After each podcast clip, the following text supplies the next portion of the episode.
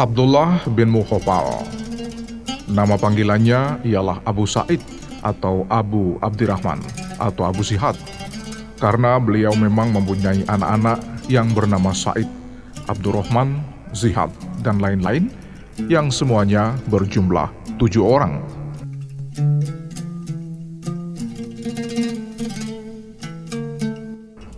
Beliau termasuk golongan sahabat yang ikut melakukan Baitur Ridwan atau Bayatus Syajarah yaitu sumpah setia yang dilakukan di bawah sebatang pohon pada suatu tempat bernama Hudaibiyah dalam tahun ke-7 Hijriah.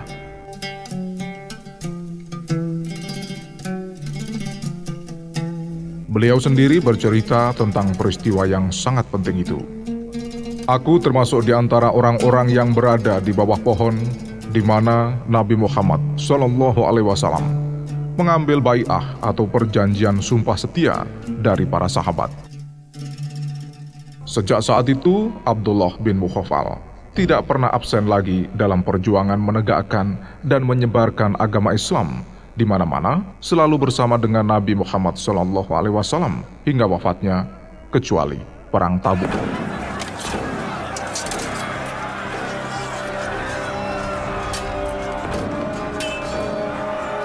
Dalam melakukan persiapan perang, suatu peperangan yang letak medan pertempurannya sangat jauh, lagi pula dilakukan dalam musim panas yang sangat membakar. Musim paceklik yang amat mencekik dan hampir memasuki musim panen tanaman. Ternyata Abdullah bin Mukhafal itu semakin hari semakin bertambah bingung dan bimbang.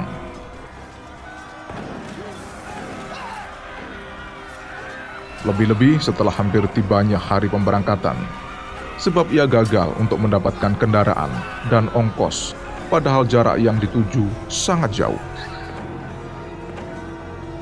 Tapi karena dorongan imannya yang sempurna dan keyakinan yang benar, ia berusaha terus tidak berputus asa.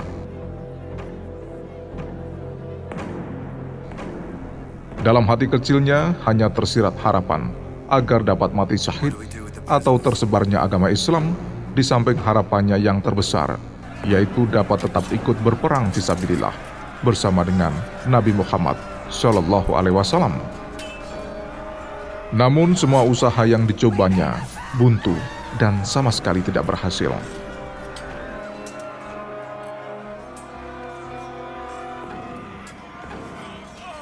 Ia pernah mencoba memohon bantuan kepada Nabi Muhammad untuk dapat mengusahakan kendaraan. Tapi betapa kecewanya ketika ia mendapat jawaban dari beliau. Aku juga tidak dapat mengusahakan kendaraan-kendaraan buat mengangkut kalian. Ia hanya dapat melampiaskan kekesalan hatinya untuk mengadukan hal itu kepada Tuhan dengan cara menangis.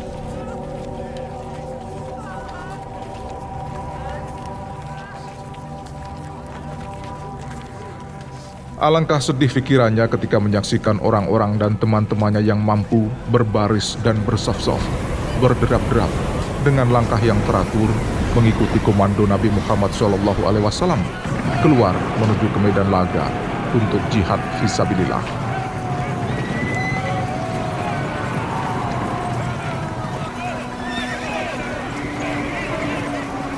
Sedangkan ia sendiri tidak berkemampuan dan tidak mempunyai kendaraan ia sedih karena harus tinggal dalam kota bersama orang-orang perempuan, anak-anak kecil yang belum memenuhi syarat untuk mengikuti perang sabil, orang-orang sakit, dan lain-lain.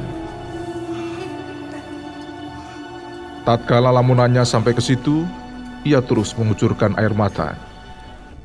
Namun kesedihannya menjadi sirna ketika ia mendengar bunyi ayat yang baru diturunkan kepada Nabi Muhammad sallallahu alaihi wasallam. Wala 'alal ladzina idza ma atauka litahmilahum qulta la ajidu ma ahmilukum alaihi tawallaw a'yunuhum tafidu minad dam hazanan alla yajidu ma yunfiqun. Dan tiada pula terkena dosa atas orang-orang yang apabila datang kepadamu, supaya kamu memberi mereka kendaraan, lalu kamu berkata, Aku tidak memperoleh kendaraan untuk membawamu.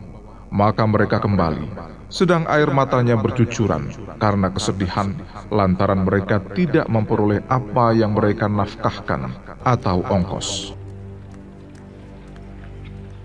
Untuk sementara, ia senang karena ia termasuk di antara orang-orang yang dimaksud dalam ayat itu.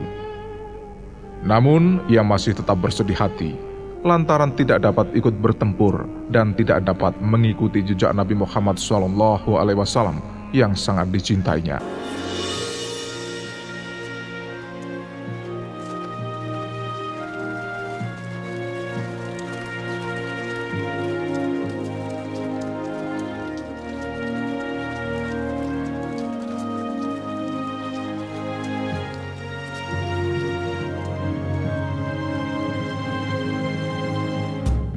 Demikian kehidupan Abdullah hingga wafatnya Nabi Muhammad SAW.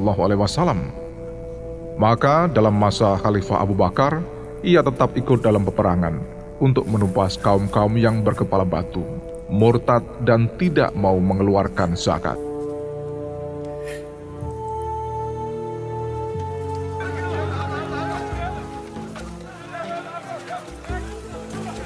Pada zaman Khalifah Umar bin Utsman, ia juga tidak ketinggalan dalam usaha menyebarkan Islam ke daerah-daerah Timur Tengah lainnya.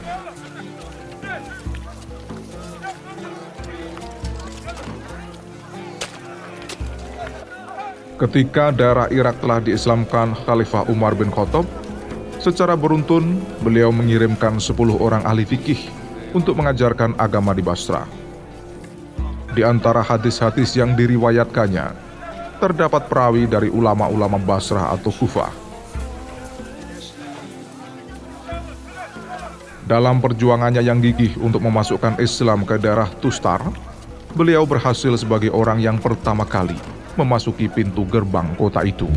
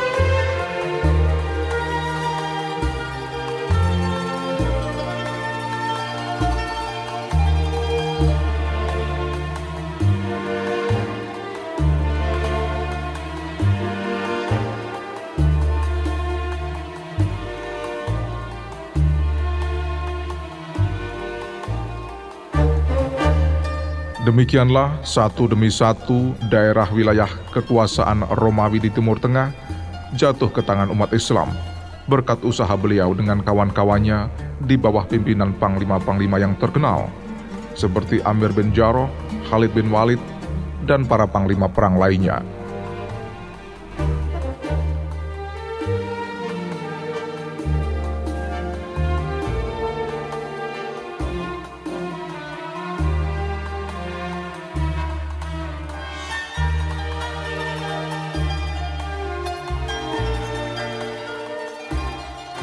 Pada masa pemerintahan Khalifah Ali bin Abu Thalib, ia memilih tempat tinggal dan berhijrah ke Basrah. Di sana, beliau memiliki sebuah rumah yang dibangunnya di dekat masjid. Di rumahnya dan di daerah itulah ia menghabiskan sisa-sisa hidupnya dengan giat mengajar dan beribadah hingga ia wafat pada tahun 60 Hijriah atau tahun 59 pada masa akhir pemerintahan Khalifah Muawiyah bin Abu Sufyan. Jenazah Abdullah bin Mukhafal untuk memenuhi wasiatnya sendiri telah disembayangkan oleh sahabat Abu Barsah al-Asami radhiyallahu anhu. Atas jasa-jasanya, maka Allah Subhanahu wa taala telah mengkaruniai beliau nama yang kekal dan abadi.